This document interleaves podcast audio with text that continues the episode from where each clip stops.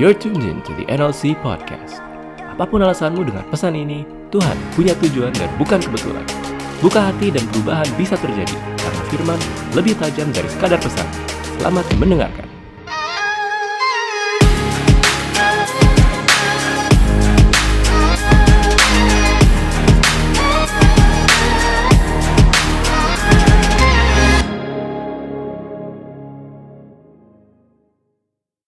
Sesuai sama firman Tuhan. Semua dilakukan, mentoring dilakukan, doa sama-sama dilakukan, but still ketika experience what what they experience, what we experience tidak sama dengan apa yang dijanjikan. Oh, katanya kalau udah cek di awal, udah udah tes spiritually, physically, bahkan pas nembak langsung minta apa? hasil tes darah gitu kan, biar aman.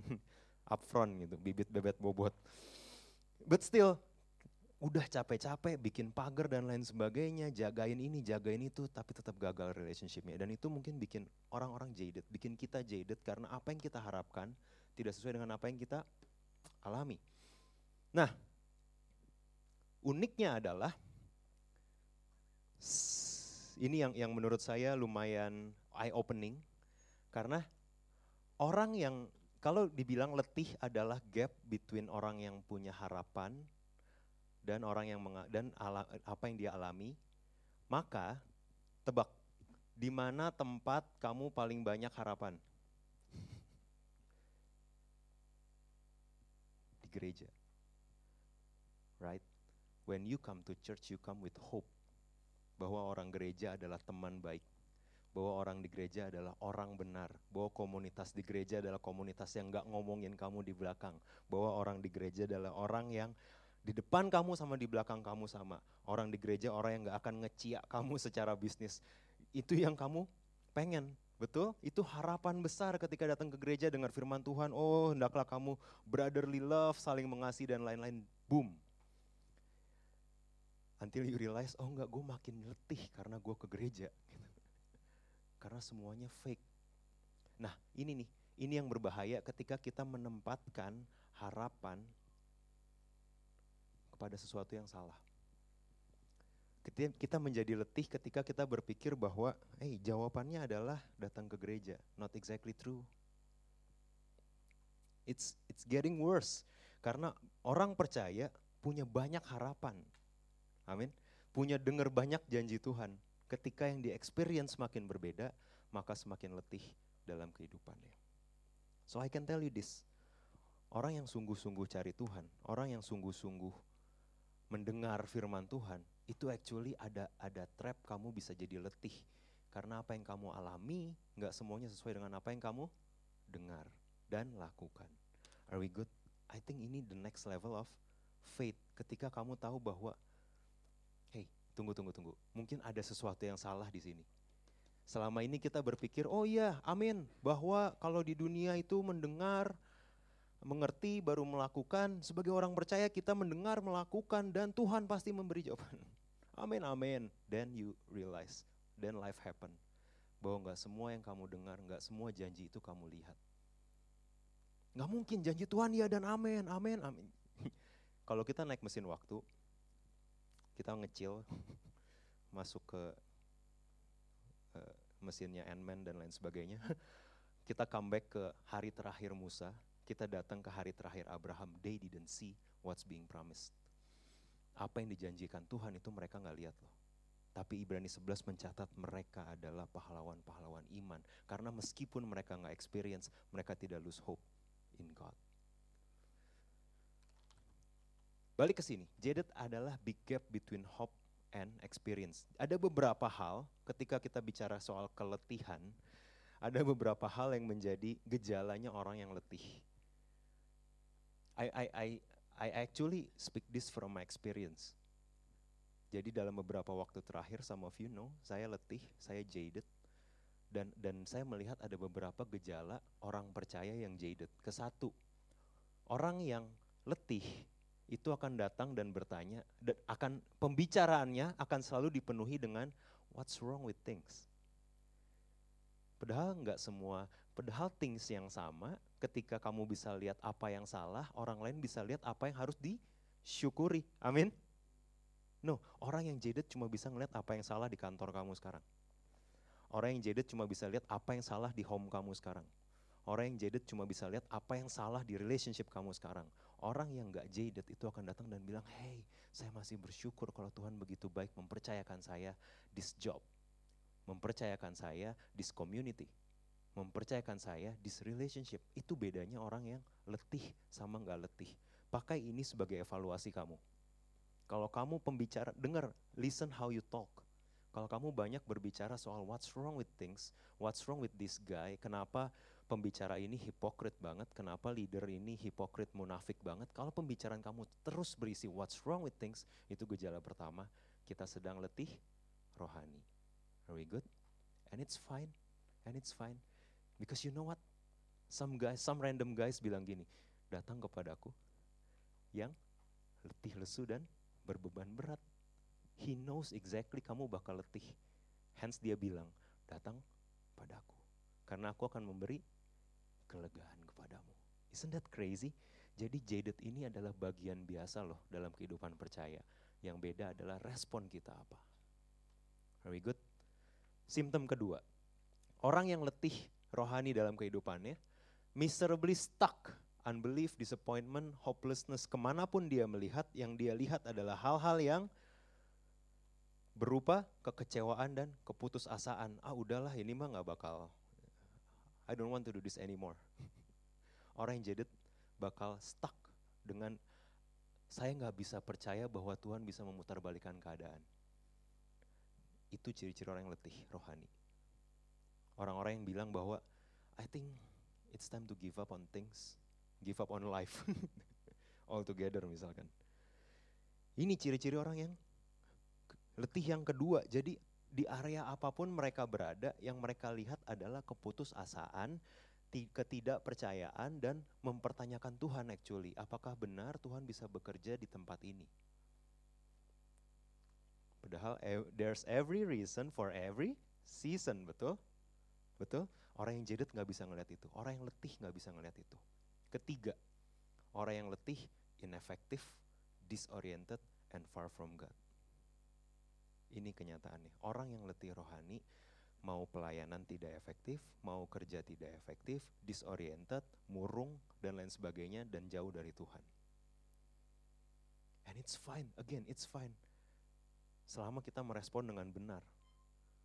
Nah, pertanyaan saya adalah, evaluate, let, let, let's have some x-ray ke diri kita masing-masing hari ini. Apakah kamu hari ini ada di kondisi letih rohani?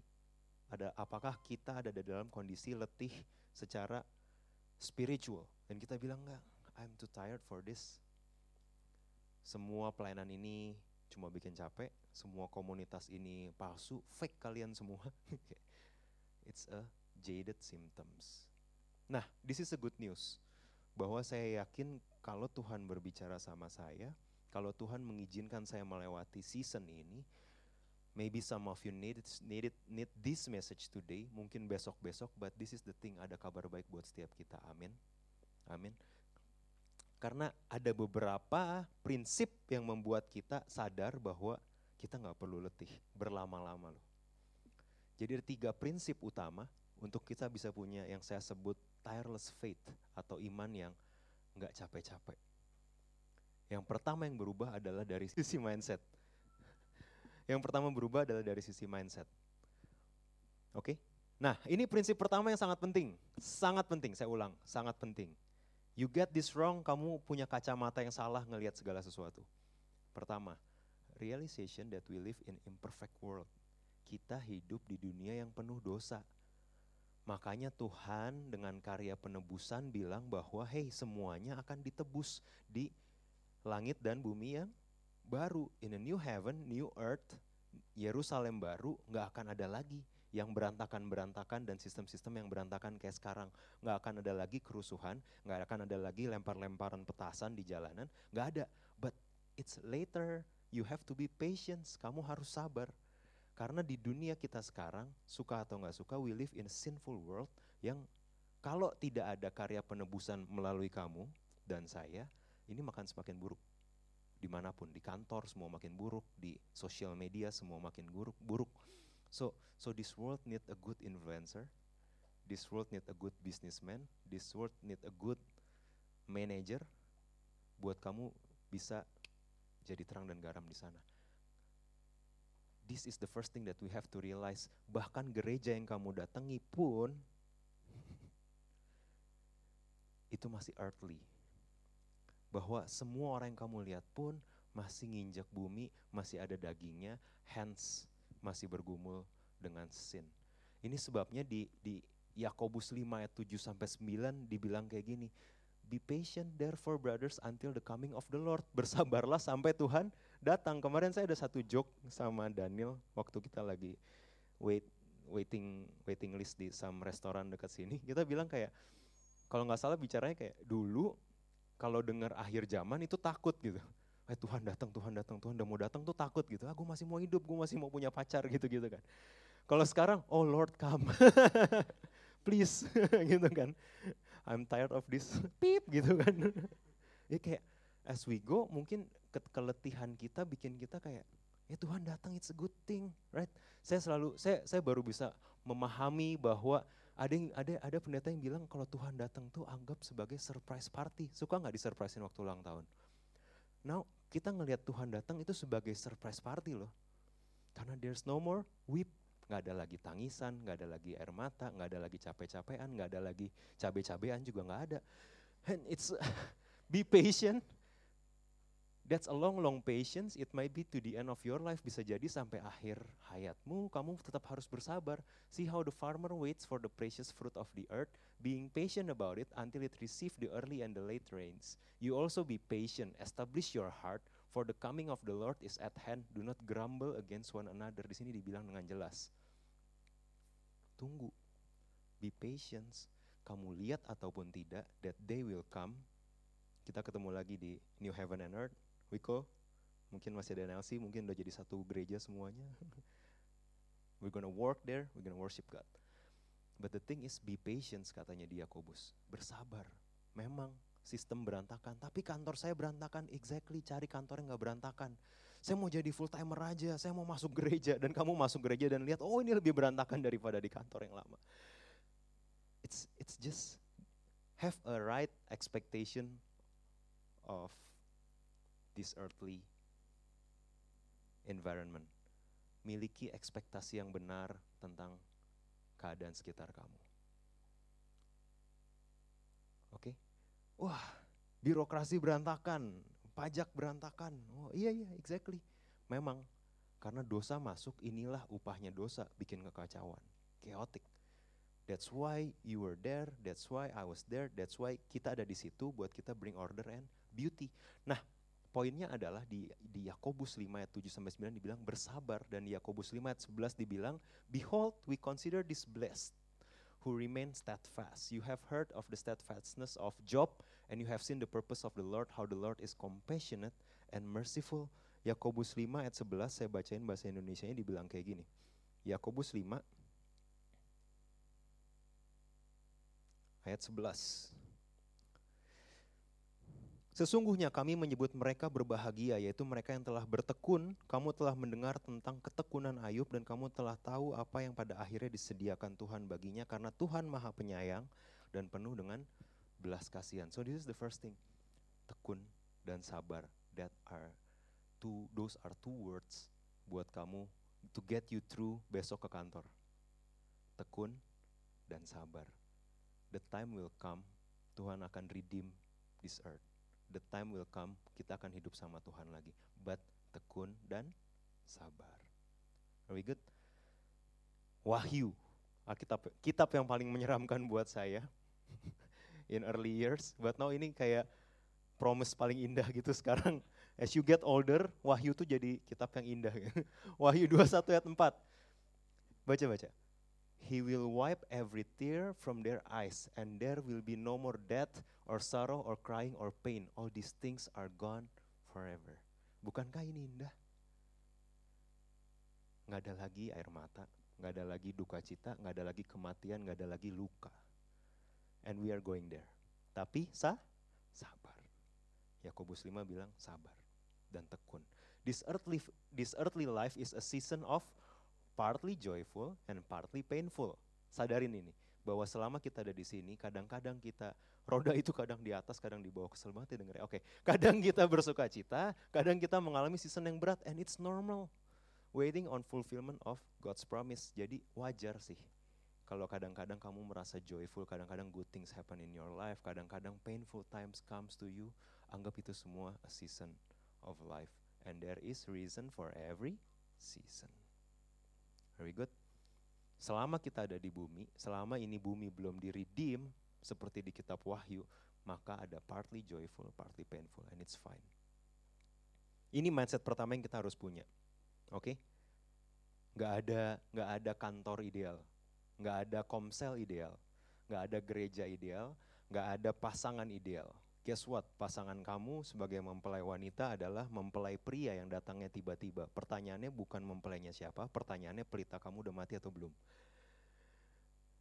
Sebagai gadis bijaksana, nyalakan pelita itu, tunggu sampai Tuhan datang. Every one of us sebagai gadis bijaksana, apakah pelita itu tetap menyala? Tuhan datang kapan pun, pelita itu tetap menyala. So, so This is the first one, mindset yang kita perlu ubah supaya kita bisa punya tireless faith adalah ini. Bahwa menyadari bahwa it's fine, season come and go, badai datang, badai pergi, berkat datang, berkat pergi, we're fine with it. Kedua, prinsip kedua, tireless faith principle number two. Prinsip kedua adalah tentang proaktif, apa yang kita harus lakukan. Prinsip kedua adalah realization that there is a purpose on every holy frustration. Ini dia. Ini ini sesuatu yang menarik. Karena kenapa kita jaded, kenapa kita pusing, kenapa kita uh, frustrasi, itu karena ini kan, ada gap antara apa yang kita harapkan dan apa yang kita lihat, betul? Betul. Nah, ternyata Bill Hybel coin the terms holy discontentment atau atau discontentment nggak terlalu umum. Jadi saya ganti ini holy frustration. Ada frustrasi yang kudus. Nggak percaya. Matius 17 ayat 17.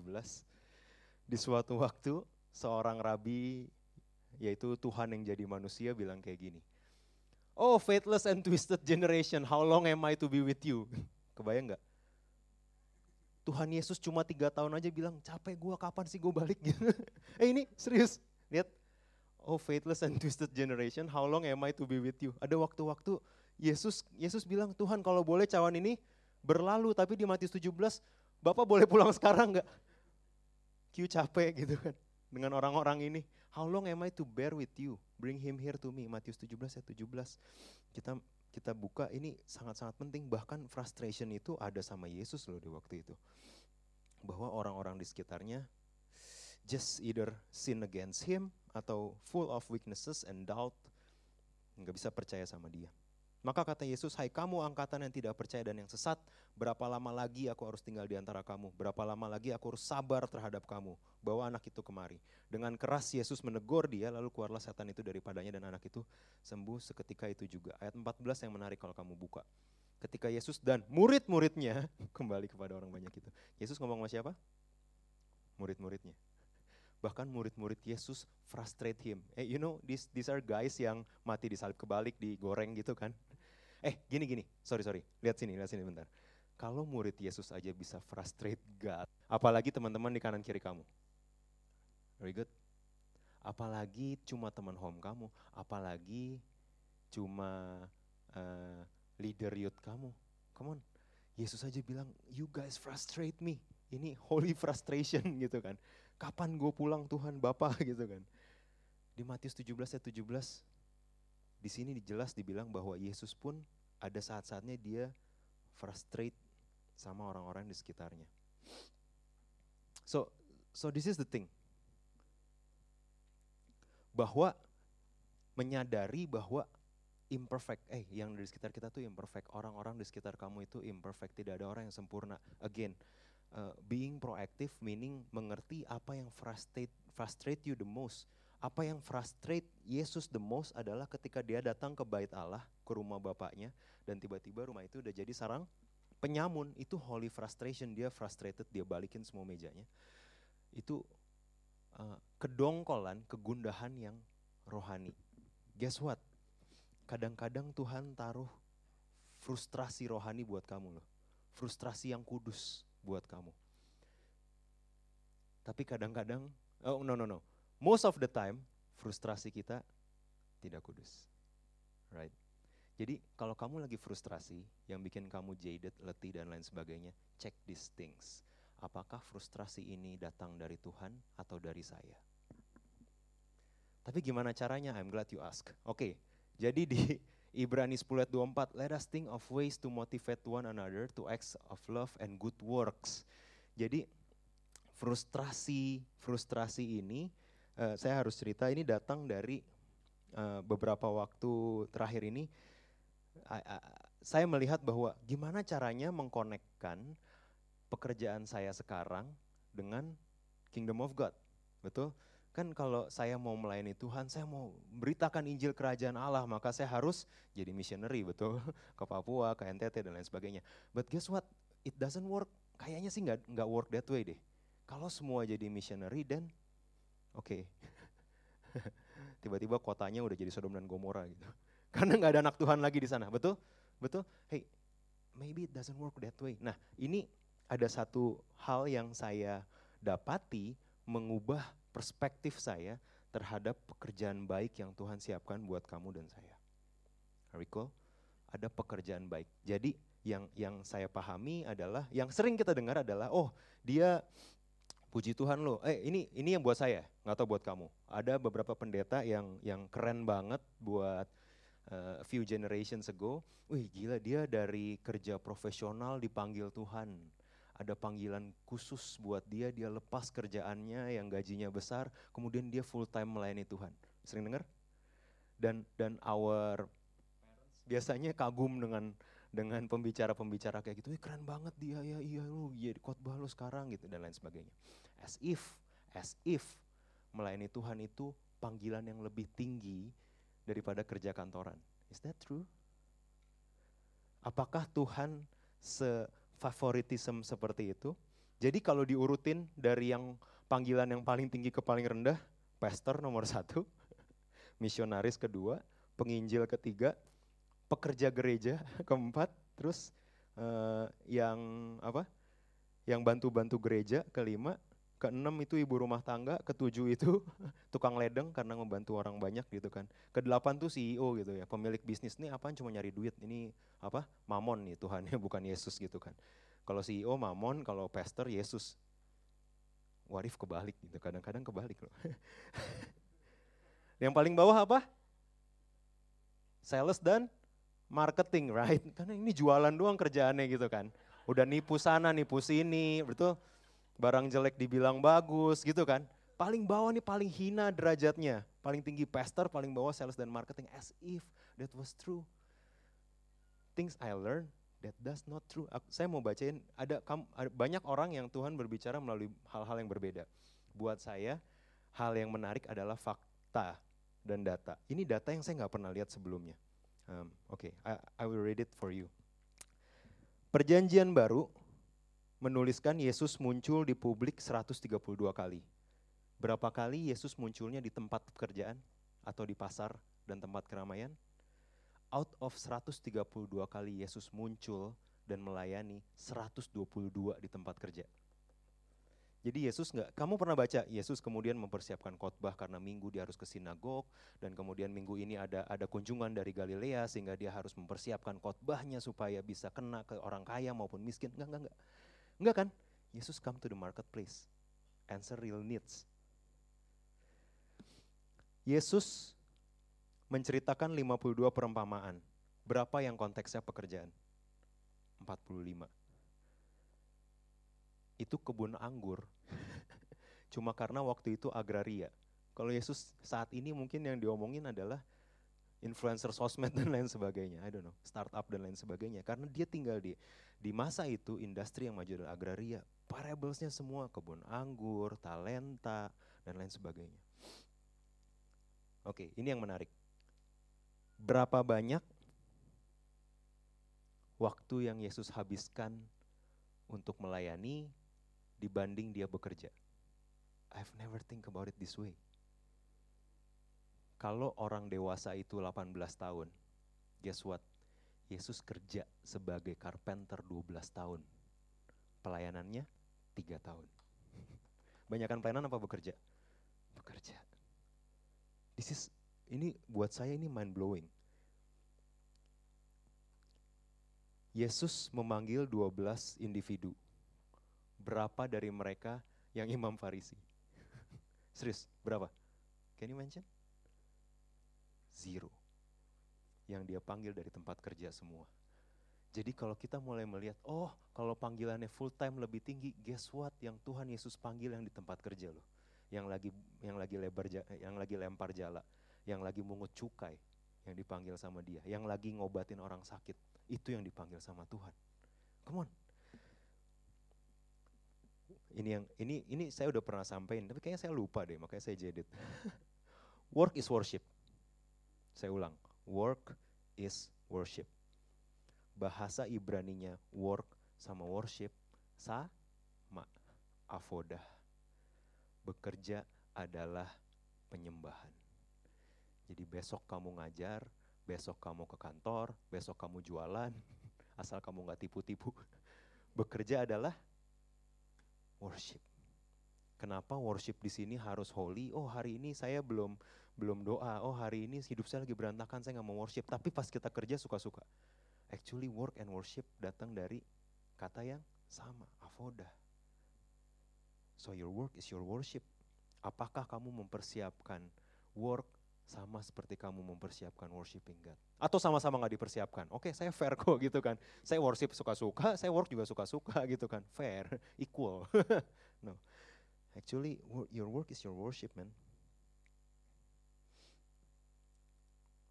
54% dari Yesus, pengajaran Yesus adalah isu-isu yang practical, working related atau life related, bukan gereja related. Nah ini lumayan sih buat saya ini membantu saya memahami, hey actually mungkin ada sesuatu yang kita harus rubah dalam kita melihat pekerjaan atau penyembahan. Maybe those are the same things. Mungkin kalau kamu deg-degan karena ketemu Tuhan di sini, the same thing kamu harus deg-degan ketemu Tuhan di tempat kerja. Because you were there to spread Jesus and kingdom of God di mana pun kamu berada. So every good work, semua pekerjaan baik adalah penyembahan. Harusnya orang Kristen dikenal sebagai orang yang kerja dengan etik yang bagus, kualitas yang bagus, dan karakter yang bagus. I think I will term, buat mengingat diri saya sendiri, saya akan uh, coin this term Q, QEC. Okay, it's it's kind of difficult. I find better way. QEC, quality, ethics, and character. Itu yang harusnya jadi senjatanya kamu ketika ke tempat kerja spread Jesus there. Kalau kualitas kerjaan kamu nggak nggak out of your best, kalau etika, etis, work ethics kamu nggak lebih baik dari orang nggak kenal Tuhan. Kalau karakter kamu juga nggak sesuai sama apa yang Tuhan katakan, sama buah-buah roh yang Tuhan bicarakan, something is very very wrong. Karena good works itu bukan cuma bicara pekerjaan baik, bukan cuma bicara menginjil sebagainya. Actually pekerjaan baik juga bicara kamu di tempat kerja, giving your best. Very good. Nah, Frustrasi ini kalau tadi saya bilang ada frustrasi yang kudus, ada frustrasi yang datang dari diri sendiri. Gimana cara ngebedainnya? I'm glad you ask. Ada tiga, tiga cara buat kamu bedain. Kalau kamu lagi frustrasi, kamu lagi letih, ini karena kamu sendiri atau ini frustrasi yang Tuhan taruh for you to do something about it. Beda ya? Kalau frustrasi yang kudus, itu Tuhan letakkan di kamu supaya kamu do something about it beberapa dari kita frustrasi ketika home-nya gitu-gitu aja. Dan itu mungkin holy frustration karena Tuhan menggerakkan kamu untuk melakukan something about it. Very good. Beberapa dari kita frustrasi dengan ibadah yang asal-asalan. Karena itu we we work very best kita marah kanan marah kiri, kerja kanan kerja kiri supaya ibadah itu bisa lebih efektif. Supaya ibadah itu bisa lebih bisa lebih kualitasnya lebih baik nggak asal-asalan. Dan itu holy frustration. Beberapa di antara kamu frustrasi ketika ngelihat kanan kiri kamu kesulitan kerjanya karena mereka just don't know how to do things. Untung-untungan kadang-kadang kerjanya bagus kadang-kadang jelek.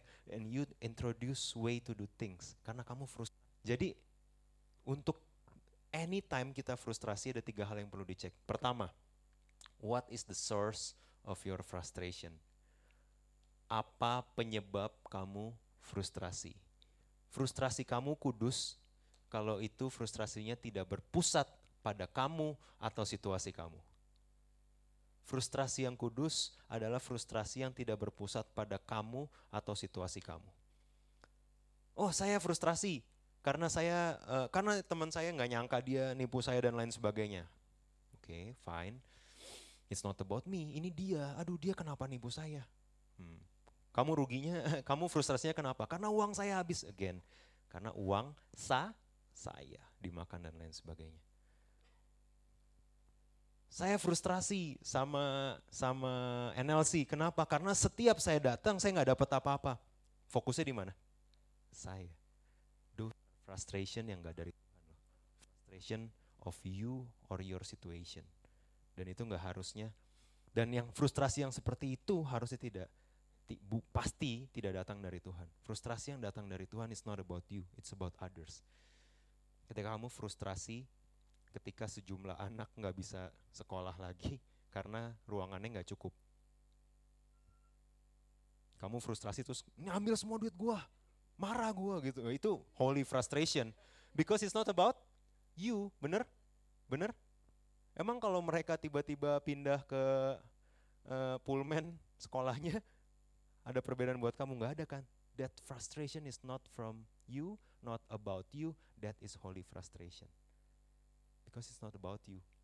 Answering people needs, uh, menjawab ke kebutuhan orang lain, frustration kalau teman-teman kamu kesulitan itu adalah frustration yang holy, yang fokusnya bukan di diri sendiri. So cek kalau kita frustrate itu karena apa? Penyebabnya apa? Sumbernya apa? Kedua, who gets the glory? Kalau kalau frustrasi kamu beres, yang dapat kredit kamu atau Tuhan?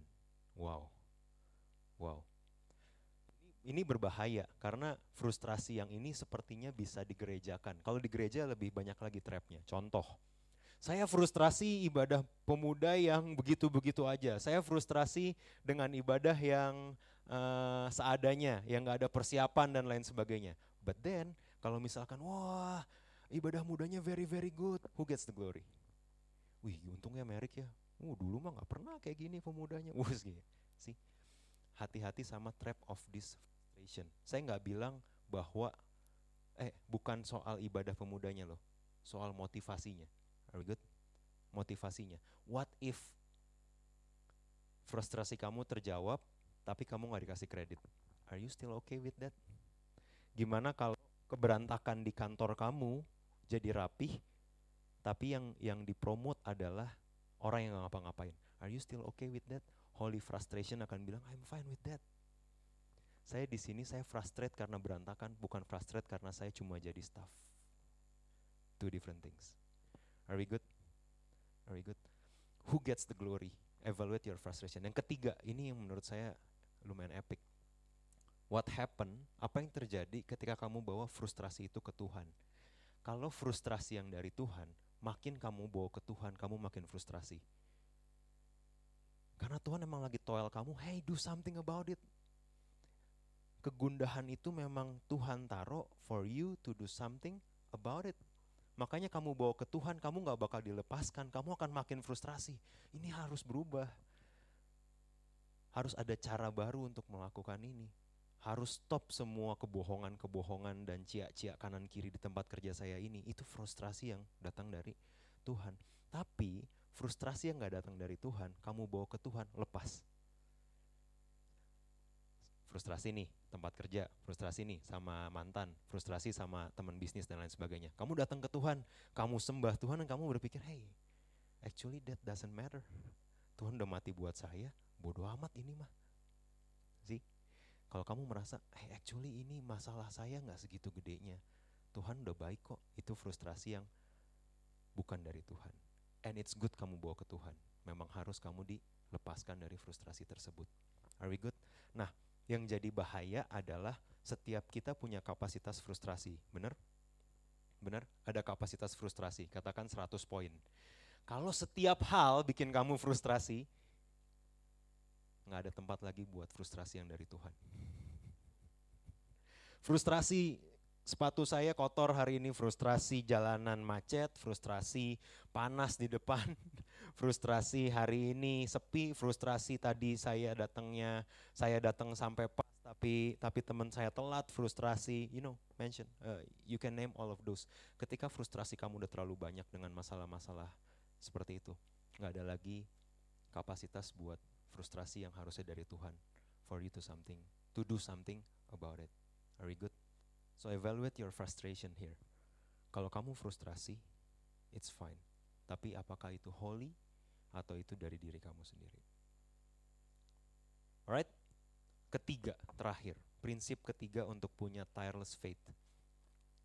Realization that forgiving and forbearing are keys to be salt and light. Ini reaktif. Ketika orang-orang jahat sama kamu, ketika orang-orang bully kamu, ketika kamu di undermine di kantor, ketika kamu ditinggalkan teman kamu, kamu dihianati sahabat kamu. How do we react? Forgiving and forbearing are keys to be salt and light. Ada satu ilustrasi yang lama, udah lama, saya udah sering dengar, tapi buat saya perlu disampaikan lagi karena lumayan menarik. Jadi um, kalau kamu makan, right? Kalau kamu makan, as usual, uh, Tessa suka yang asin, gurih dan lain sebagainya. Jadi kalau makan kayak saya udah nungguin atau saya udah mulai atau udah seperempat dia masih either nambahin jeruk, nambahin garam, minta kecap asin, cabai rawit potong dan lain sebagainya. And it's fine. The, the thing is ketika ada makanan yang hambar yang salah siapa? Garam. Bener? Sopnya kurang ra rasa karena nggak ada garam. Betul? Minta garam, right? Ketika sopnya enak, yang enak siapa? Garamnya. Oh ini garamnya luar biasa hari ini ya. Ini merek apa sih? Boleh tahu nggak ini garamnya beriodium ya? Oh enak banget. Ada yang ngomong kayak gitu? Nggak ada kan? Yang enak apa? Sopnya. Yang hebat siapa? Chefnya. Nggak pernah garamnya. What if your life harusnya isinya forgiving and forbearing. Gimana kalau kamu nggak pernah dapat kredit dari hal baik yang kamu lakukan. Tapi kalau kamu nggak ngapa-ngapain, kamu yang salah. Dan kita marah kan. Giliran nggak ada hasilnya gue yang salah. Giliran bagus, yang benar, yang baik dia gitu kan. What if? Itu sebabnya Tuhan bilang garam dan terang. Ada yang dari tadi ngeliatin lampu? Nggak ada kan? Kamu ngeliat ke saya kan? Kenapa kamu ngeliatin lampu? Karena itu nggak suppose untuk diliatin, betul? What if your cow untuk jadi terang dunia bukan buat kamu makin keren, makin manager, makin tinggi, no no. Untuk kasih light to others, for they can do things better in their life. Dan kamu nggak pernah ada yang sadar. Sampai kamu kelap-kelip di rumah saya, di lemari saya ada lampu yang kelap-kelip, tuh baru mulai dimarahin tuh. Ini lampu udah rusak baru enam bulan gitu kan. Right? Tapi kalau nyala kamu pernah puji gak? Wah, indah sekali lampu hari ini bersinar. Ada yang pernah ngomong kayak gitu? Enggak kan? Tapi kalau mati kamu sadar kan? What if our life, panggilan kita adalah jadi garam dan terang. Kamu nggak pernah supposed to dapat kredit. Kalau dapat kredit, kalau dapat promosi itu bo bonus. When we see it that way, kita bisa tahu, hey, forgiving and forbearing, sabar dan mengampuni adalah the way untuk jadi garam dan terang. Kamu nggak pernah peduli garamnya merek apa, right? Kamu cuma, oh ini makan di sini enak, makan di situ enak. Tapi kalau kurang garam kamu tahu. The same thing di tempat kerja kamu. What if kamu nggak pernah kelihatan? Apakah artinya kamu berhenti jadi garam? No, no, no. Kamu dipanggil untuk jadi garam dan jadi terang. Kita dipanggil untuk jadi garam dan jadi terang. Meskipun gak ada yang ngeliat. Kolose 3 ayat 12 sampai 13 bilang apa? Put on then as God's chosen ones, holy and beloved. Again, ini kalau cuma baca ya udah oke. Okay. Sebagai orang-orang yang dipilih, dikuduskan dan dikasih Tuhan, uh, compassionate hearts, kindness, humility, meekness, patience, bearing with one another. If one has complained against another, forgiving. As the Lord has forgiven you, so you ma also must forgive. Ya udah ampuni, kemudian uh, lemah lembut satu sama lain. Satu hal yang kita lupa, ada yang kebalik lagi di ayat ini. Oh no no no no. hampir semua kepercayaan dan agama ngajarin kalau kamu do hal yang baik, maka kamu akan di dikasihi sama Tuhannya, betul? Wah ini kebalik, enggak enggak. Sebagai orang yang dipilih, dikuduskan, dan dikasihi, dan do this. Ini another twist di Christianity. Ketika Tuhan make a bet, pilih saya yang banyak kekurangan, bukan cuma pilih, tapi apa? Dikuduskan dan dikasihi supaya bisa bawa ini ke kantor. And you. Kamu dipilih, dikuduskan, dan dikasihi untuk bisa bawa ini. Hati yang penuh belas kasihan, kebaikan, kerendahan hati, kelemah lembutan, kesabaran, sabar satu sama lain. Kalau ada yang komplain, ampuni, karena sebersama seperti Tuhan mengampuni. Wow. It's as simple as that. Yohanes 7 ayat 38 bilang, Siapa percaya kepadaku, seperti dikatakan kitab suci, out of his heart will flow rivers of living water. Barang siapa percaya kepadaku, dari hatinya akan mengalir aliran air hidup. Nah, ini adalah hal yang berbeda. Ini adalah what differentiate you and people around you yang gak kenal Tuhan. Karena orang yang kenal dan mengasihi Tuhan, dia overflow. Forgiveness-nya overflow, kesabarannya overflow, mengasihinya overflow, dan dia nggak perlu itu, nggak perlu re reciprocate dari orang lain, nggak perlu di say thanks, nggak, saya nggak di di sini, kerjaan saya nggak pernah di like, bos saya follow juga kagak, wah gitu. Kan. No, karena orang yang ikut Tuhan dari dalam hatinya me mengalir keluar. Jadi waktu datang ke kantor, ke tempat kerja, ke kampus, we should bring this sebagai orang yang percaya Tuhan. Dari dalam mengalir ke keluar. Guess what? Same thing ke relationship. Orang yang percaya sama Tuhan dari hatinya akan mengalir aliran air hidup. Ini bukan orang yang minta diisi lagi, tapi orang yang mengisi kehidupan orang lain. Very good. So two things. Kalau kita bilang how do we react ketika orang-orang nyebelin, ketika orang-orang berdosa, ketika orang ngebully kita, ketika orang-orang nipu kita, take credit dan lain sebagainya. Dua hal. Satu forgive those who sin against us. Ampuni mereka yang bersalah. Kedua, forbear, sabar sama kelemahan orang lain. Bawa dua ini ke mana-mana kita pergi, you will have, we will have tireless faith.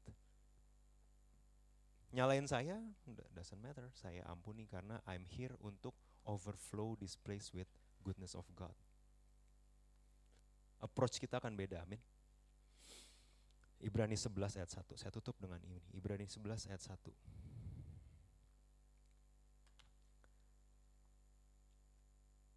Kita tutup minggu keempat dengan ayat hafalan nomor satu tentang iman. Ibrani 11 ayat 1.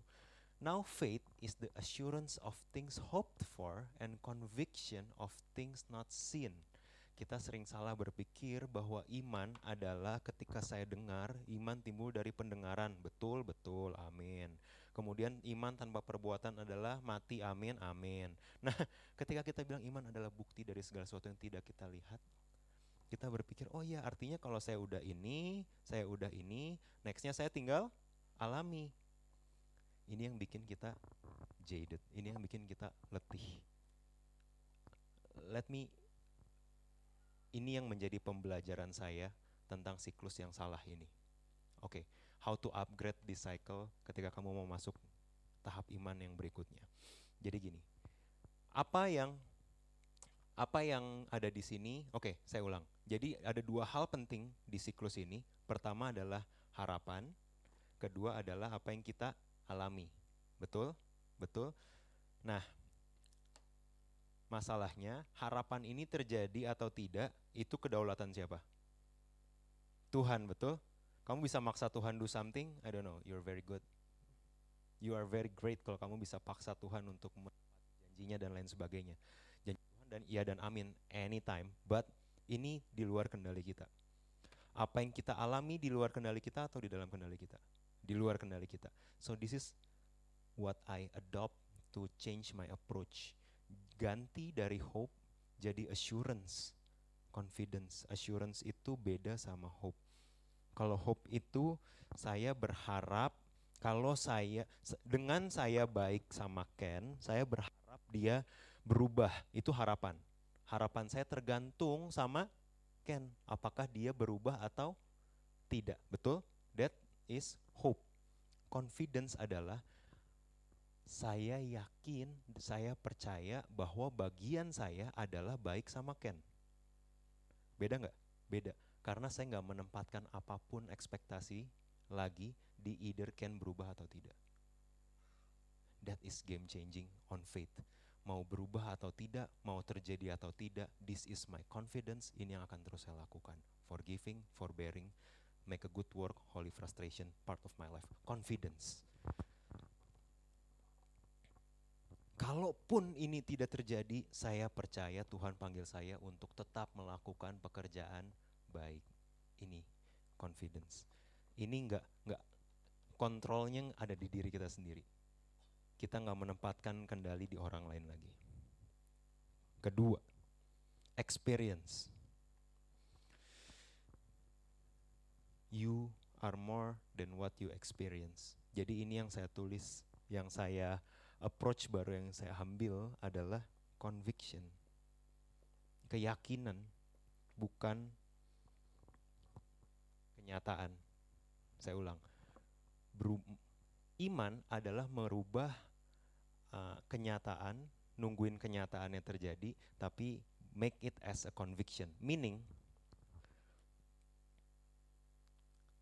saya alami atau tidak,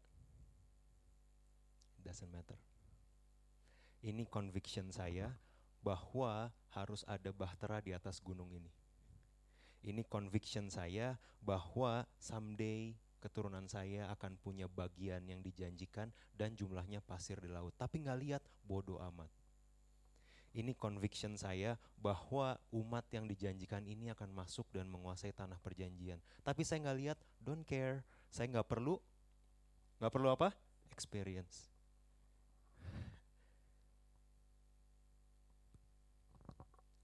Tuhan melindungi umatnya. Bodoh amat, yang penting saya nggak bakal nyembah. Masukin saya ke api, bisa apinya mati, bisa enggak. Bisa singanya diem aja, bisa singanya nerkam saya. Doesn't matter. Karena iman kita tidak didasari sama apa yang kita alami lagi, tapi didasari sama conviction, keyakinan kita bahwa Tuhan baik dan Tuhan tidak meninggalkan. This is a new level of faith for me yang buat saya merubah approach kita untuk oh saya sudah dengar, saya sudah lakukan, saatnya saya menunggu dengan penuh harapan dan menantikan janji itu terjadi. No no no. It doesn't work like that anymore. Belajar dari pahlawan iman mengajar kita bahwa saya sudah dengar, saya sudah lakukan, bagiannya adalah lakukan dengan percaya bahwa ini memang kehendak Tuhan dan saya yakin lihat hasilnya atau tidak my life belong to God. We good?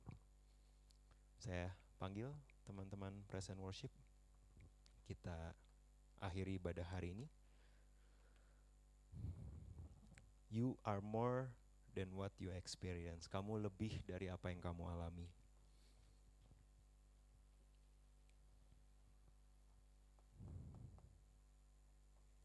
Ketika kita menyadari ini, doa saya adalah you and me kita bisa lepas dari keletihan-keletihan yang tidak perlu. Karena ya saya bilang, yang menanti-nantikan Tuhan mendapat kekuatan baru. Mau mengalami atau tidak, kuncinya mungkin bukan apakah janjinya bisa saya lihat atau tidak. Kuncinya mungkin bukan bisa mengalami yang Tuhan janjikan atau tidak. Bakal ngeliat janji Tuhan nyata atau enggak, mungkin itu bukan pertanyaannya. Pertanyaannya adalah, Apakah kita setia menanti-nantikan Tuhan? Lucu ya, yang dapat kekuatan baru bukan yang menanti-nantikan janji Tuhan loh. Yang, menan yang yang mendapat kekuatan baru bukan mereka yang menanti-nantikan harapan, menanti-nantikan janji Tuhan terjadi, menanti-nantikan jawaban Tuhan, bukan. Yang mendapat kekuatan baru adalah yang menanti-nantikan Tuhan. Tuhannya jawab atau enggak, janjinya terjadi atau enggak, doesn't matter. Yang dinantikan adalah